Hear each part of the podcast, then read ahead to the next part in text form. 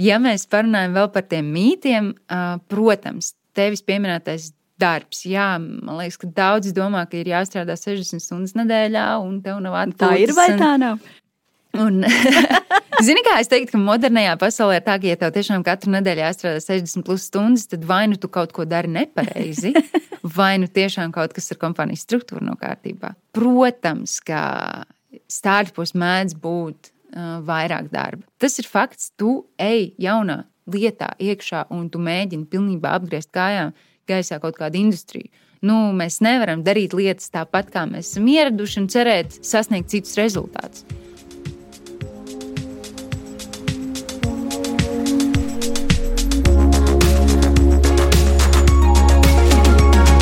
Čau! Es esmu Vineta Bērziņa, un tu klausies podkāstu, kas palīdz atrast darbu. Mans podkāsts ir cilvēcīgas un saprotamas sarunas par darba meklēšanu un atrašanu. Pie manis uz sarunu ir ieradusies Lotte Plezere. Lotte šobrīd strādā startupā, Printify, kā arī ir strādājusi arī citos startupos, tā skaitā arī Igaunijā. Tāpēc mūsu šodienas saruna tēma būs par un ap startupiem, jeb jaunu uzņēmumiem. Sveika! Sveiki! Es uz, pirms mūsu sarunas pētīju un lasīju internetā šos tā, terminus saucamos, kas tad ir jauna uzņēmums, un pētīju. Un varbūt tev grib prasīt, kurš varbūt no šiem nosaukumiem tev pašai labāk tīk, vai nu tas startups vai jaunu uzņēmums? man liekas, ka ļoti labs jautājums attiecībā uz nosaukumiem latviski, jo angliski startup tas ir tāds zināms termins, mēs saprotam, ko ar to domā, bet latviešu jaunu uzņēmums tas tā ļoti, es teiktu, mūsini, jā. jā, viņš, viņš jauc prātu, tāpēc, ka nu, pašā esencē tas īsti nav vienkārši jauns uzņēmums. tas, tas, tas ir labi, ka jau sākumā pasaki, kā varbūt uz saviem vārdiem vienkārši varētu noraksturot, kas tad ir jauna uzņēmums, jeb startups. Man uh, mīļākā vienmēr ir bijusi Steve Blank uh, definīcija, nolasīšu jums angliski. Jo latviešu to patiesībā ir mazliet grūti iztulkot. Tātad, a startup is an organization formed to search for a repeatable and scalable business model. Un, uh, ja tu pārtulko uz lat latviešu valodu, tad, nu, teiksim, tā, tā ir organizācija, kas, kas ir izveidota, lai uh, atrastu atkārtojamu un es teiktu vairāk kārt palielinām biznesa modeli. Tas scalable, tā latviešu viņš ir mērogojams. Grūti, grūti tulkot, tulkojas. Tas ir aptuveni tādā veidā, ka, piemēram, es izveidoju Latviju, Latvijā biznesu, nu, kā piemērs, un tad kopiju paste pārlieku uz citām valstīm. Tas var būt dažādos veidos. Tas, tas, tā, tā, tā, tā mērogošanās var būt visādos, visādos veidos uh, saprotama. Un, uh, un, un, un, ja mēs runājam tieši par uh, startupiem, tad uh, Tas var būt kaut kas, kas rodas esošā industrijā un ieiet un viņu pilnībā teiksim, izmaina. Vai tas var būt kaut kas, kas, ir, kas veido pilnīgi pats bezmaz savu industriju? Nu jā, tā kā par tām definīcijām varbūt esam tikuši skaidrībā. Uh, Ko es tev gribēju pavaicāt, kādos varbūt jaunu uzņēmumos tu esi strādājis? Jo es paskatījos tev LinkedIn, nu tur bija vesels, teiksim, saraksts ar uzņēmumiem gan Latvijā, gan arī tā skaitā Igaunijā. Patiesībā es esmu strādājis ne tikai startupos, bet ar startupiem. Uh, laiku jau, jau senu laiku atpakaļ strādāju Tehabā. Uh, tur mēs uh, teiksim, tā, palīdzējām startupiem ar nu, kādiem veidiem. Ar, nu, kopumā tas bija coworking space ar, ar nelielu tādu papildu būstu, lai, lai, lai viņiem palīdzētu augt. Bet tas bija labi laika atpakaļ. Un, kas tā par organizāciju varbūt bija ieskicā? Es te, personīgi neesmu. Tehaps, vismaz patiesībā es, ne, es nemācīšu runāt par viņu konceptu šobrīd, bet tajā laikā tas bija vairāk kā coworking space, kurš organizēja arī dažādas pasākumus, dažādas iniciatīvas, palīdzēja nu, tādā veidā palīdzot šiem startupiem augt un attīstīties. Uh, to dibināja cilvēki, kas paši ar investīcijām tagad joprojām no, nodarbojās. Un, un tāpēc arī teiksim, tā, tas bija, manuprāt, tāds labs, uh, vērtīgs. Uh, vērtīga vieta, kurā būt, jo tu esi tuvu tiem cilvēkiem, kas paši ir investori. Uh, jā, tad par manu pieredzi uh, vēl startupos uh, Igaunijā, kad pārcēlos, es strādāju startup akceleratorā Buildit, kurš tur citu tagad ir pārvācies uz Latviju. Uh, un tas bija interesanti, tāpēc, ka tur mēs strādājam tieši ar hardware, jeb fizisko lietu uh, startupiem. Tas ir pavisam cits līmenis, jo tur tev ir jālodē, jātaisa dzelži un jāsavieno tas ar, ar, ar softu. Un, un tas bija tiešām ļoti interesanti, jo tajā laikā, kad mēs to aizsākām, tas bija ļoti jauns lauciņš. Un uh, kopumā bija ļoti interesanti ne tikai pieredzēt šos startupus, bet arī viņus skautot, jo, jo tādu bija maz. Mums bija tiešām startupi no visas pasaules, no, no, no ASV, no, no, no Lielbritānijas, no Indijas. Un, un visdažādākās idejas, nu, tādas, ka, ka tiešām var tikai pabrīnīties. Un man bija tas gods arī iepazīties ar ļoti daudziem vērtīgiem um, mentoriem un investoriem. Tāds viens smieklīgs piemērs, ka es iepazinos ar uh, cilvēku, kas ir izgudrojis uh, rumba robotus, šos te patīkamos. Man tajā laikā mājās tāds bija. Jā, viņš bija viens no mentoriem, un man tajā laikā tieši mājās tāds bija, un tas likās tā hm, diezgan forši. Cik interesanti. Jā, un uh, par darba pieredzi starpus, jā, es. Um, Es varu uh, pastāstīt, ka es esmu strādājusi TransferWise, jeb tagad saucamajā WISE. Uh, tas tāds lielisks, lielisks uh, piemērs uh, startupā, tādā klasiskajā, laimīgajā ceļā, ceļā varētu teikt, jo tur strādājot, es ieguvu arī stock options. Kuras pēc tam, kā mēs varbūt daudz jau zinām, Wise nesen aizgāja IPO, kas nozīmē, ka nu, ļoti daudz no maniem bijušajiem kolēģiem tagad ir miljonāri. Un, wow. un tiešām brīnišķīgs veiksmes stāsts tur. Um, tad uh, man ir bijis uh, uh, laiks, kad es strādāju e-agronām.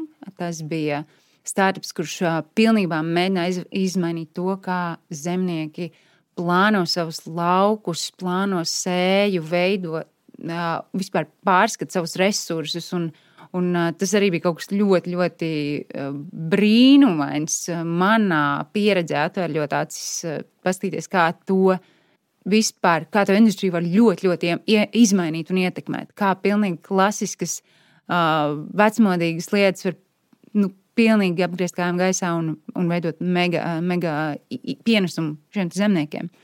Un, protams, mans uh, tagadējais uh, lielais, uh, es teiktu, mīlestības stāsts ir uh, Printify, kurā es strādāju. Un, uh, protams, ka var jau teikt, ka es esmu mazliet, uh, latviešu nezinu, kā šis vārds ir biased. Uh, bet uh, jā, mēs Printifējā šobrīd uh, palīdzam cilvēkiem, kas grib uh, radīt nu, teiksim, tā, savus dizainus un tos tirgot un piegādāt saviem klientiem. Mēs to viņiem ļaujam darīt par, par salīdzinoši maziem līdzekļiem, to aizsākt. Nevis tev nav nepieciešams teiksim, liels noliktavas, drukātava vai, vai nedomāt par kaut kādām piegādes problēmām, mēs to atrisinām tavā vietā. Un, un, un tas, tas, tas, ir, tas ir ļoti liels prieks, ka mēs varam mazus jaunus uzņēmējus iedrošināt un, un viņiem šo lauciņu paplašināt. Es laikam nezinu, vienu cilvēku, kurš strādājis, būtu tik, tik var teikt, jā, daudzos startupos. Kāpēc varbūt tieši tu esi izvēlējusies darbu šajos startupos? Kas ir tā tava motivācija? Man pašai personīgi vienmēr ir paticis izaicinājums. Tas ir tas, kas mani vada. Un, uh, un es esmu cilvēks, kuram ātri paliek garlaicīgi. Yeah. Uh, tāpēc man ļoti vienmēr ir gribējies kaut kas jauns, kaut kas, kas mani tiešām tā mazliet izaicina, liek man sev izkāpt no komforta zonas. Un uh, tas pilnīgi noteikti tas, kas startupos tiek piepildīts manā gadījumā.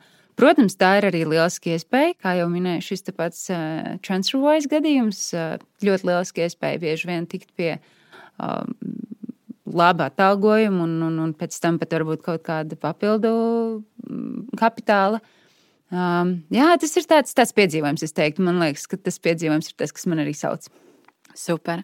Tas, ka tu strādāsi gan Latvijā, gan Igaunijā, tad gribu pavaicāt, kas varbūt ir tās atšķirības uh, Latvijas un Igaunijas startupos. Man jāsaka, godīgi, vēl pirms pāris gadiem es varētu noskatīt, man liekas, ka veselu sarakstu ar tām atšķirībām, bet uh, man ir liels, liels prieks uh, teikt, ka mēs esam ievērojami gājuši uz priekšu, un, un, un tās lietas vairs nav tik izteiktas, tās atšķirības. Mm. Ja man jāsaka tā uzreiz, nu, tad pirmā lielā lieta, kas ir, tas ir tas, ka Igaunijai kopumā ir vairāk unikornu startupu. Nu, tas ir dzirdēts. Uh, jā, jā, Latvijā jā, jā, tikai jā. viens. Jā, un, un pirmais šis unikorns tika radīts ļoti, ļoti nu, krietni agrāk nekā mums. Un, uh, tas ir šim visiem zināmais uh, Skype stāsts. Un Skype nauda pēc tam aizplūda. Es varētu teikt, Skype nauda ir praktiski visos lielākajos Igaunijas startupos. Viņa, viņa aizplūda visdažādākajiem kanāliem, un, un, un tā pēc tam ir attiecīgi bijis tas enerģijas lādiņš tiem pārējiem unikorniem un lielajiem startupiem, kas, kas ir auguši. Uh, ir ļoti, ļoti daudz, kur te, šis te kapitāls aizgājis. Ja mēs skatāmies visi lielie uh, unicorn startupi. Es biju šī tā pārtraukšu tie, kur varbūt nezina, kas, kas ir unicorn. Tieši gribēju minēt, starp citu, jā, unicorn startups, tātad tas ir tāds startups, kur novērtējums pārsniedz 1 miljardu ASV dolārus. Un uh, šobrīd uh, no zināmiem Igaunijā mēs varam uh, minēt TransferWise, Wise, Bolt, Pipedrive. Uh, tie ir tādi, nu, visiem zināmie. Un, uh, un, un tur visur ir šī Skype naudiņa aizgājusi. Attiecīgi, tā kā viņiem šī startupu sfēra ir uh, ātrāk, viņi tikus tur, kur viņai varbūt uh, bija jābūt, tad uh, Igauni šajā startup spēlē ir, nu, ir daudz ilgāk, un viņi, mēs varam redzēt, ka arī valdība ir pielāgojusi dažādas lietas lai šiem startupiem un, un viņu talantam būtu vieglāk. Tad atbalsta vairāk? Jā, jā, jā, mhm. jā pilnīgi noteikti. Reģistrēt jaunu kompāniju prasa apmēram divas stundas. Es to pat esmu darījusi. Man, man bija Igaunijā uzņēmums, un to var izdarīt digitāli. Tāpat e-rezidentūra, kuras arī uztaisīju pirms citu, diviem mēnešiem, tad, kad man beidzās oriģinālā Igaunijas rezidentūra. Arī man tas bija ļoti vienkāršs salīdzinošs process, un arī visu var digitāli izdarīt ļoti kā rezidentam Igaunijā, kā jau minēju, talantam ir viegli tur uzturēties. Man, piemēram, viens tāds piemērs nāca prātā nodokļu iesniegšana, kura tiešām ir burtiski divi klikšķi, trīs klikšķi, un, un tas ir pāris minūšu jautājums. Un plus ir tas, ka viņi paši tev apmēram atsūta, kas tev ir jāizdara. Viņi saka, hei, mēs tev jau saģenerējām visu, tev tikai jāakceptē. Es redzu, ka Latvija arī nāk pretī un sāk, sāk mainīt to visu, bet Igaunijā tas bija jau no sākumu, kad es tur sāku dzīvot un strādāt. Tas bija jau astoņus gadus atpakaļ. Viņiem bija šī sistēma, kur viss tev jau ir uzģenerēts, tev no jādomā. Mm -hmm, tas saprot, tas... jā, ka Igaunija kā vairāk nāk, nāk pretī, bet kas varbūt vēl ir nu, tās atšķirības starp Latvijas un Igaunijas startupiem? Jā, jā, tieši startupu pasaulē es varētu teikt, ka viņiem ir tā iespēja, ka viņiem ir vieglāk mācīties no priekšrešu kļūdām. Nu, tā tad ir šie lielie giganti, kuri ir kaut kādā veidā jau kļūdījušies, arī kaut ko ieguvuši. Daudz vietējo padomdevēju, dažādu grupu, viņiem, piemēram, Founders Club. Varbūt Latvijā arī ir, es nezinu, bet tas Igaunijas Founders Club tiešām jau ilgu laiku darbojās. Viņiem ir um, dažādas akceleratoru programmas, kas ir dzimušas jau labu laiku atpakaļ. Uh, investīcija iniciatīvas, uh, investoru klubi, visādas mentoru apvienības. Un Igaunijā jau ilgu laiku atpakaļ bija šis stock opciju iespējas, kas Latvijā ir tiešām vēl uh, es teiktu, pavisam agrīnā stadijā. Arī likumiski Latvijā bija daudz problemātiskāk to visu nokārtot, cik es esmu dzirdējusi. Igaunijā tas, kā jau minēju, šis pats wise piemērs, stoka opcijas bija normāla lieta jau, jau 4-5 gadus atpakaļ. Un es teiktu, ka laimīgā kārtā algu līmeņa ziņā mēs esam stipri pievilkuši Igaunijai. Vienkārši mums tie startupi, manuprāt, ir, nu, mums ir mazāk šo unikornu, mums ir mazāk šo lielo startupu, tāpēc vienkārši tās iespējas ir mazliet mazākas. Jā. Bet uh, es redzu, ka mēs esam tiešām, tiešām auguši tajā jomā, kā jau minēju. Pāris gadus atpakaļ man saraksts būtu garāks. Šobrīd es jau jūtu, ka mēs, esam, mēs stipri tuvojamies Igauniem. Kā tu domā, kas varbūt ir tie pieprasītākie, jeb labākie startupi Latvijā, Baltijā? Šis ir tik ļoti sieklīgs jautājums, jo, protams, ka es teikšu Printify. Bet, ja, ja man jāsaka godīgi, tad, protams, labākais tas ir jāspriež darbiniekiem un klientiem. Bet, ja man jārunā par, teiksim, kaut kādiem lielākajiem, tad uh, Atzīšos par Lietuvas startup scēnu, es neko nezinu. Bet, ja mēs runājam par Igauniju un Latviju, tad noteikti Igaunijā tie būtu Verif, Wise, Pipedrive, Bolt, Starship. Tie ir tādi tiešām zināmākie lielie. Latvijā varētu, protams, bez Printify pieskaitīt tos pašus Mintas, Edurio, Giraffe, Jeff, Selfie. Tie ir tādi zināmākie un, un jau darbojas kādu laiciņu. Tie, kur varbūt klausītāji, kuri darba meklējumos tagad pieraksta, kur, kur, kur sūtīt šos pieteikumus. Mēs principā ļoti aktīvi meklējam darbiniekus visu laiku. Tā kā Pierakstiet arī to. Uh, man ir, nezinu, varbūt man ne, nepiekritīs, man ir tāds tā viedoklis izveidojis, ka ir divi veidi darba meklētāji. Ir tādi, kuri ļoti grib strādāt startupos un nu, bez mazliet sūta CV un cer, ka uzaicinās darba interviju un, un tam līdzīgi. Un ir tādi, kur baidās. Baidās pat nosūtīt savu CV, jo ir dažādi stereotipi un tā tālāk. Par tiem stereotipiem vēlāk parunāsim. Bet vai tu piekrīti šādam viedoklim? Jā, protams. Es varu pārunāt gan par to, kāpēc cilvēki baidās, manuprāt, gan par to, kāpēc viņi grib. Sāksim ar to, kāpēc grib strādāt. Es teiktu, ka tā pirmā lieta, kas, kas man, kā jau minēju, ir tas uh, lielais motivators, ir tas, ka tu ej vietā, kur tu vari izmainīt industriju, tu vari pilnīgi kaut ko apgāzt kājām gaisā un, un, un, un pieredzēt kaut ko nebijušu. Un man liekas, tas ir Varbūt ne visiem, bet man personīgi tas šķiet kaut kas fantastisks. Nu jā, ne visiem cilvēkiem tas dara, un ne visi to grib. jā, protams. Tāpat laikā es teiktu, ka daudziem tas ir teiksim, viens no iemesliem, arī tas, ka teiksim, tur ir ātra, ātras izaugsmas iespējas gan kompānijai, gan tev pašam.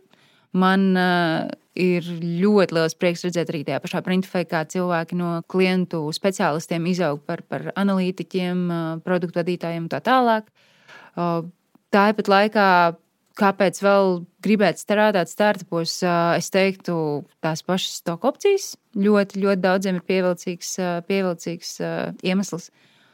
Nereti tās ir arī lielākas algas. Būsim reāli. Latvijā tas joprojām tā ir, ka ļoti daudzos startupos maksā labāk. Ja piekrīt, Tie jā. ir arī labumi, jo startupi mēģinās piesaistīt labāko talantu un noturēt šo talantu. Par labumiem mēs vēl vēlāk parunāsim. Es, es, es, es, es, es tieši tā, es, es minu, ka tas ir viens no iemesliem. Un, nu, jau tas vairs nav tik aktuāli, bet es teiktu, ka arī remote darbs, jo nu, agrāk tas nu, bija elastīgs, jā, darba agrāk, laiks, strād, iespēja strādāt attālināti. Jā, jā, jā, agrāk tas bija īpaši aktuāls šobrīd ar, ar visām pandēmijām. Tas jau šķiet kā dabīga sastāvdaļa jebkurā darba vidē, bet nu, starpos tas ir bijis jau kādu laiciņu.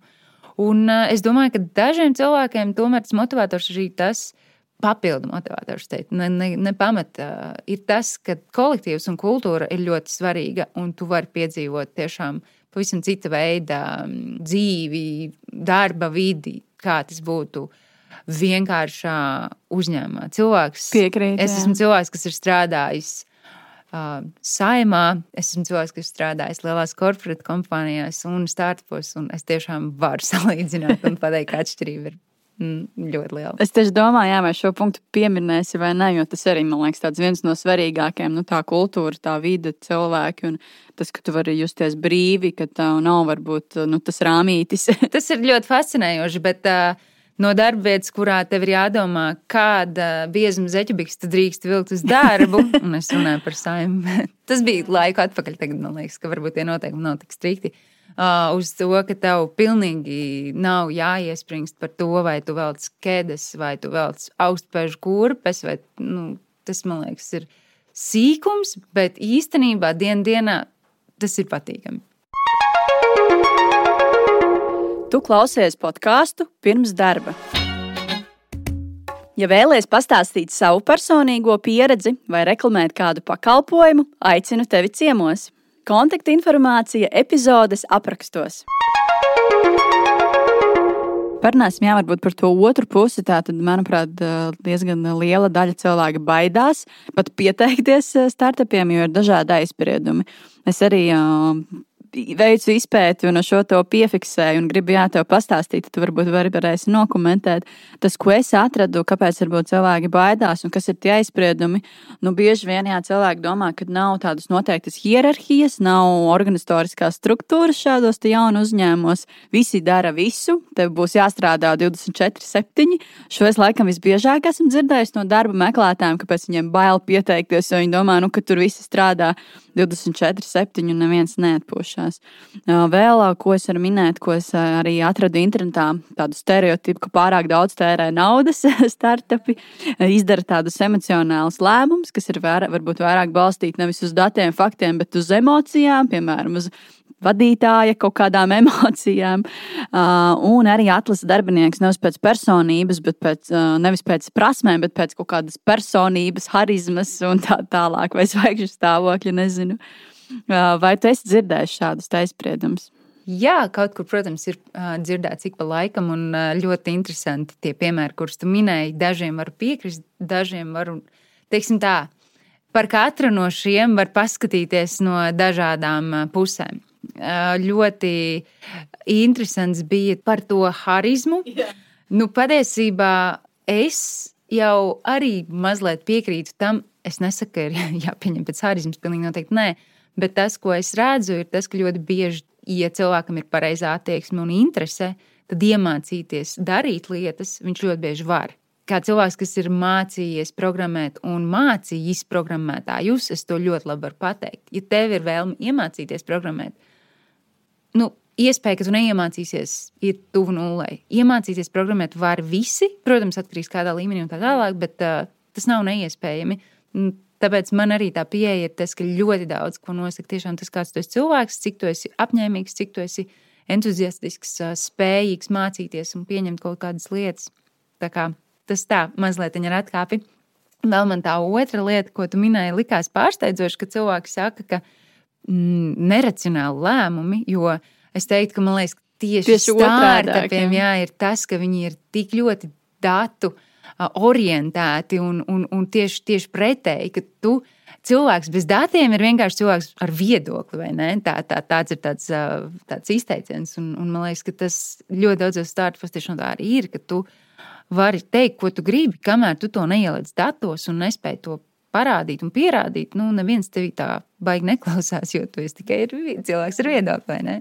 Um, ja mēs parunājam vēl par tiem mītiem, uh, protams, tevis pieminētais darbs. Jā, man liekas, ka daudzi domā, ka ir jāstrādā 60 stundas nedēļā, un tev nav atpūtas. Tā ir vai tā nav? Un, Zini, kā es teiktu, ka modernajā pasaulē ir tā, ka, ja tev tiešām katru nedēļu jāstrādā 60 plus stundas, tad vai nu tu kaut ko dari nepareizi, vai nu tiešām kaut kas ar kompānijas struktūru nav kārtībā. Protams, ka starpus mēdz būt uh, vairāk darba. Tas ir fakts, tu ej jaunā lietā iekšā un tu mēģini pilnībā apgriezt kājām gaisā kaut kādu industriju. Nu, mēs nevaram darīt lietas tāpat, kā mēs esam ieraduši, un cerēt sasniegt citus rezultātus. Bet nu, nav arī tik traki, kā, kā, kā cilvēks saka. Un otrs ir tas, ka es tiešām no pieredzes saku, esot arī printface, to pašu var teikt, ka tad, kad tu dari tās lietas un, un, un dari viņas ar to piepildījumu, tad uh, dažreiz tas tiešām ir vērtīgāk nekā vienkārši vakars ar Netflix. Nu, nu, es to spriežu pēc sevis. Man, man tas personīgi tā ir. Un es domāju, ka ļoti daudz var justies līdzīgi. Ja mēs runājam vēl par bailēm, tad uh, varbūt tas izklausīsies tā stereotipiski, bet es esmu novērojis ļoti daudz apkārt sev cilvēkus, kuriem ir bail no pārmaiņām. Viņiem vienkārši ir bail kaut ko mainīt, viņiem ir bail, uh, viņiem ir bail pieteikties, viņiem ir bail iet cauri tam procesam, un viņiem ir bail izgāzties. Tas, man liekas, ir tik ļoti daudziem cilvēkiem. Protams, arī var saprast, jo ļoti daudziem ir ģimenes, viņiem ir jāuztur kaut kādas, nezinu, teiksim, viņiem ir, viņiem ir saistības un, uh, un tas ir normāli, ka ir bail. Bet bieži vien tas arī nu, nav ar iemeslu. Tīpaši, ja tu esi jauns un, un tev ir tās iespējas, tiešām tev nav saistība. Nu, nu nebaidies. Arī no, arī no izgāšanām mēs kaut ko iemācāmies.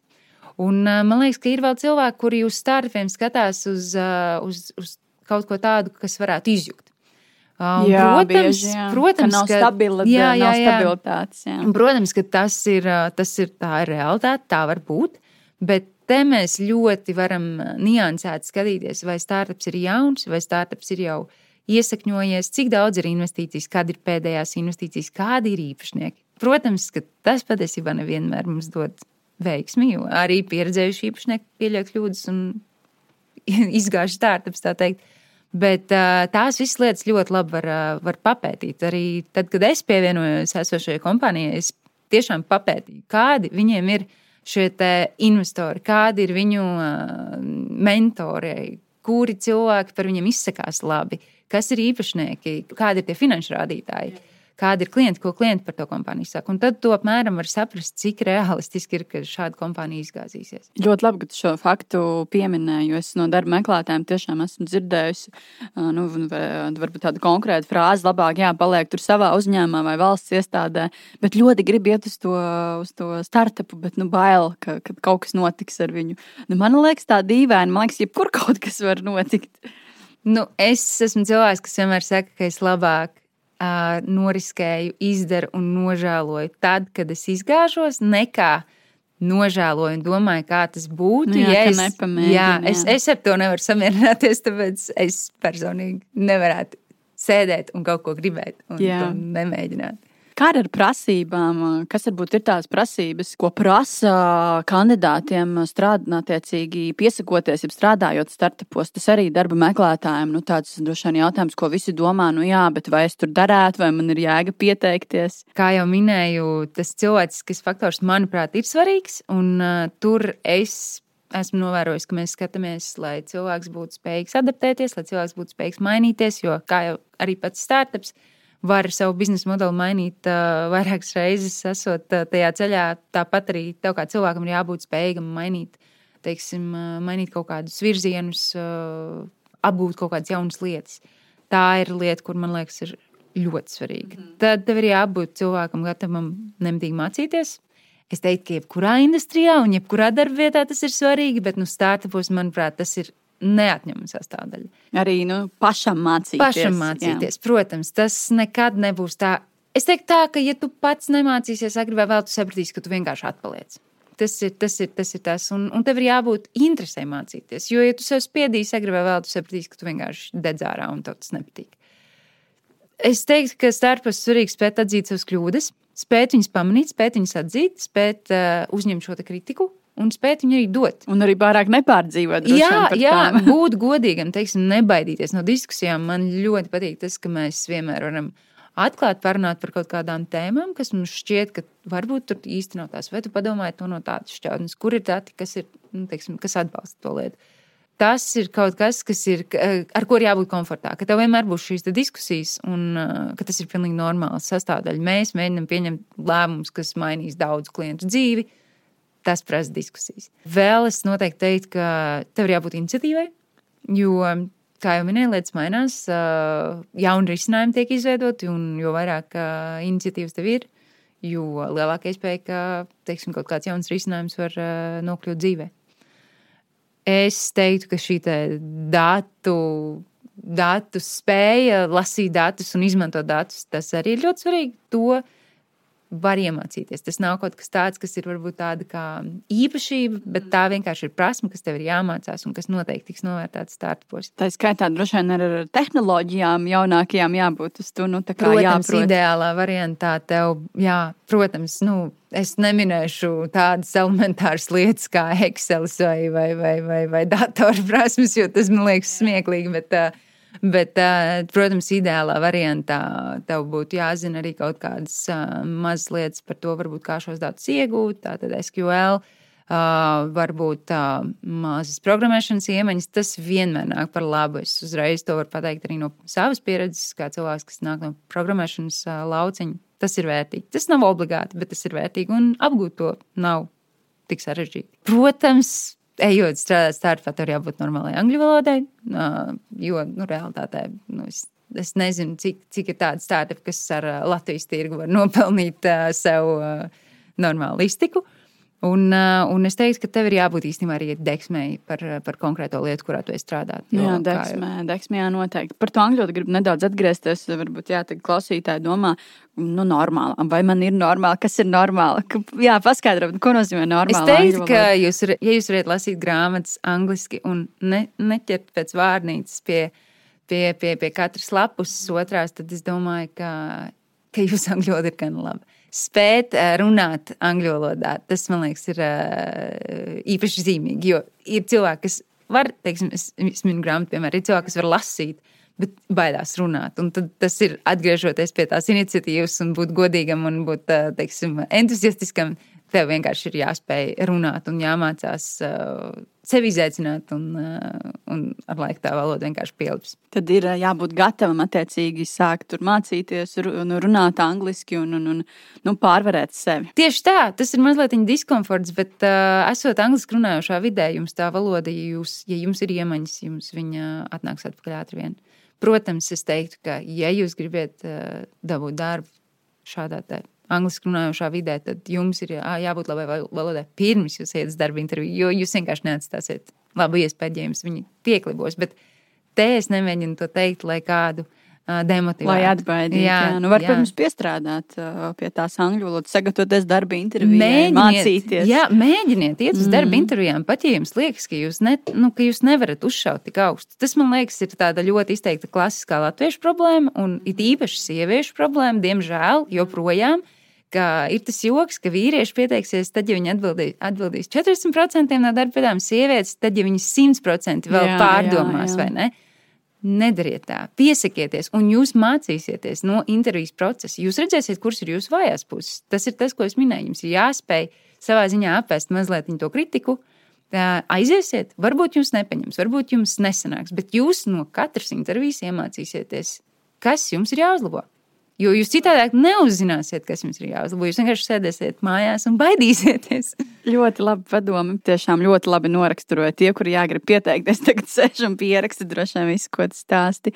Nu jā, tā pēdējā tēma, ko gribu izrunāt, ir par labumiem, jeb bonusiem. Kāda varbūt ir tā darba vide un šie bonusi, jeb labumi, ko tad var saņemt strādājot startupā.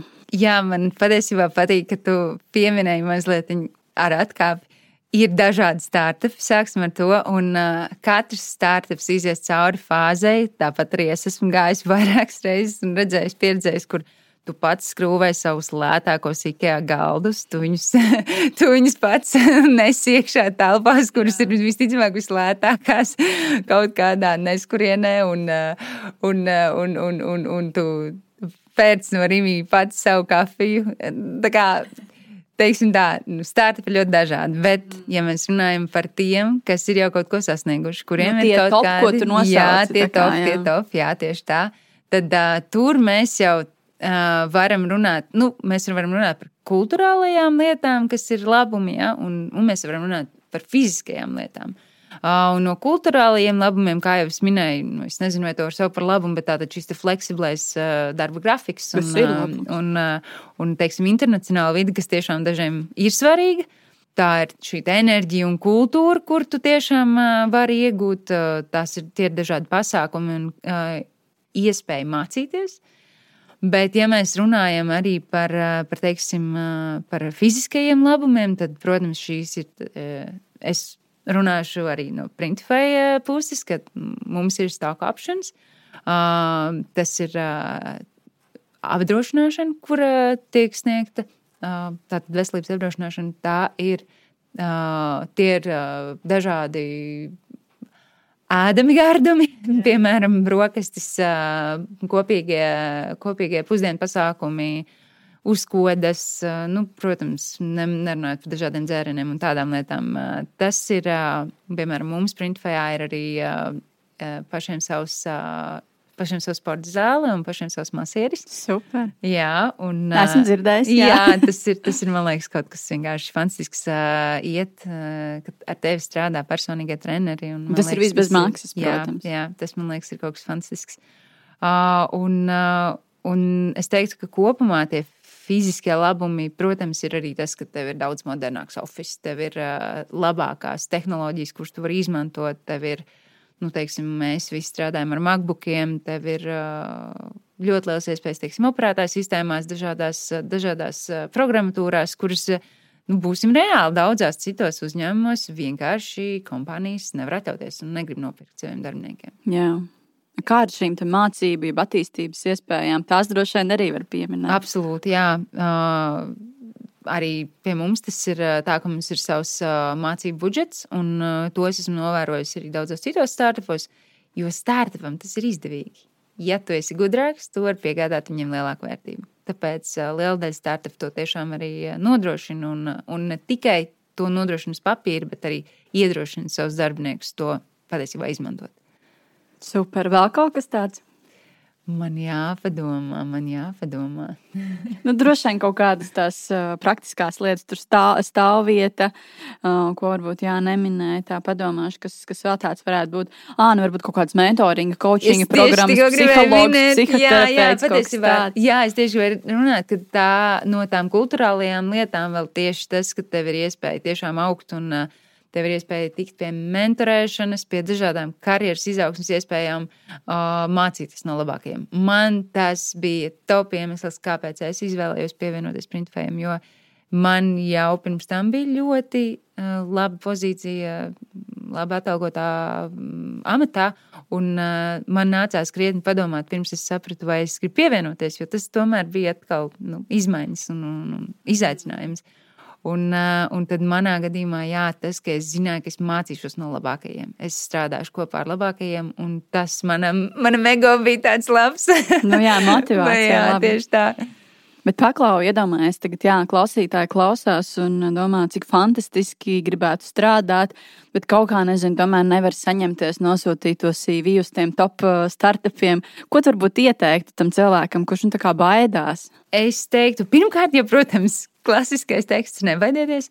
Bet, ja tā pavisam nopietni, padomājiet paši, kurā industrijā jūs vēlaties strādāt. Varbūt ir kaut kādas lietas, kas jums pašiem ļoti interesē. Kā jau minēju, būtu vērtīgi, ja jums šī konkrētā niša un šis konkrētais produkts tiešām iet pie sirds. Otra lieta ir tad, kad jūs piesakieties. Nu, Es vienmēr jokoju, motivācijas vēstuli nevēlas sauc par motivācijas vēstuli, jo pie piektās tev jau pilnībā pazūd motivācija viņu rakstīt. Bet uh, es to domāju no sirds, jo tiešām rakstiet kvalitatīvas motivācijas vēstules, rakstiet Paši viņas. Rakstiet. Es nevaru iedomāties, kā tas ir, kad izmanto copy-paste tipa motivācijas sastāvdaļu, jo tu raksti to konkrētajam uzņēmumam. Kā tu vari viņā kaut ko atkārtot? Varbūt tur ir viens, divi teikumi, kuros tu iekļauj informāciju par sevi un savām zināšanām, kur varbūt var atkārtoties, bet visā visumā tev ir jārunā par kompāniju, kurai tu vēlēsies pievienoties. Kāda ir tava motivācija strādāt šajā uzņēmumā? Rakstiet motivācijas vēstules, rakstiet viņas no sirds un rakstiet viņas patiesi. Mēģiniet pastāstīt par to, kāpēc jūs esat labākais kandidāts šim uzņēmumam un kā jūsu pieredze palīdzēs šim uzņēmumam tikt uz priekšu. Tas ir viens. Otrs, protams, CV. Nepārlieciet viņu pārāk daudz ar informāciju, ielieciet svarīgāko un ielieciet darbu, darbu un lietas, kas šim, arī šim uzņēmumam varētu būt relevants. Uh, Un tas tā ir no tehniskajām lietām, bet, ja, ja mēs runājam par pašu intervijas procesu, sagatavojieties. Pilnīgi noteikti. Es no savas pieredzes, kā cilvēks, kurš strādājis daudzos darbos un arī daudzos startupos, varu teikt, ļoti svarīgi ir tas, ka jums ir jautājumi, ka jūs esat izpētījuši biznesu, ka jūs ziniet, uz kurien jūs ejat. Un, protams, izpētiet arī lomu, uz kuru jūs ejat un kādi varētu būt tie klasiskie jautājumi. Nu, pavisam godīgi var pateikt, tie jautājumi visbiežāk iet uz rīņķi. Protams. Stiprās puses, vājās puses, kāpēc tu esi labs kandidāts, tāpēc lielākas izgāšanās un ko tu no tā iemācījies, kāpēc tavuprāt tu būtu vērtīgs šai lomai. Nu, tie jautājumi, darba, jā, jā, jā, jā. Viņi, viņi, viņi, tie jautājumi, viņi iet uz rīņķi, un viņi, un viņi ir nu, bieži vien par tēmu, jo nu, tas, tas veids, kādā cilvēks meklē darbinieks, viņi, viņi grib saprast, vai tu varētu atbilst šai pozīcijai.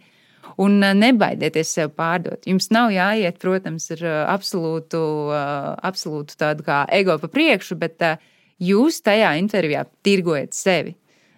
Jūs mēģināt pārdot to, ka jūs esat labākais kandidāts. Un, tāpēc noteikti, un noteikti smaidiet.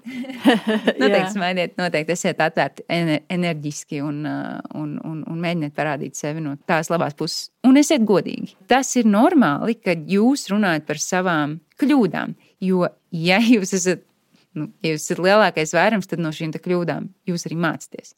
Tāpēc ļoti bieži investori ir gatavi dot naudu startup founderiem, kas ir izgājušies jo viņi zina, ka viņiem jau ir pieredze, kā lietas nedarīt.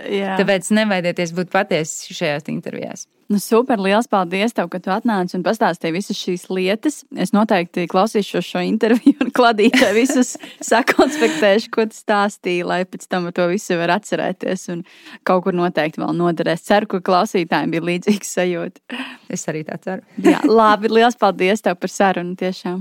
Paldies, ka uzaicināji. Jā, atā. Tu noklausījies podkāstu, kas palīdz atrast darbu. Lai dzirdētu visas intervijas, seko pirms darba visās podkāstu aplikācijās, arī Facebook, Instagram un YouTube. Iesaki tēmu, nāc uz interviju vai reklamē savu uzņēmumu podkāstā. Kontaktus atradīsi epizodes aprakstos un manā LinkedIn. Uz sadzirdēšanos!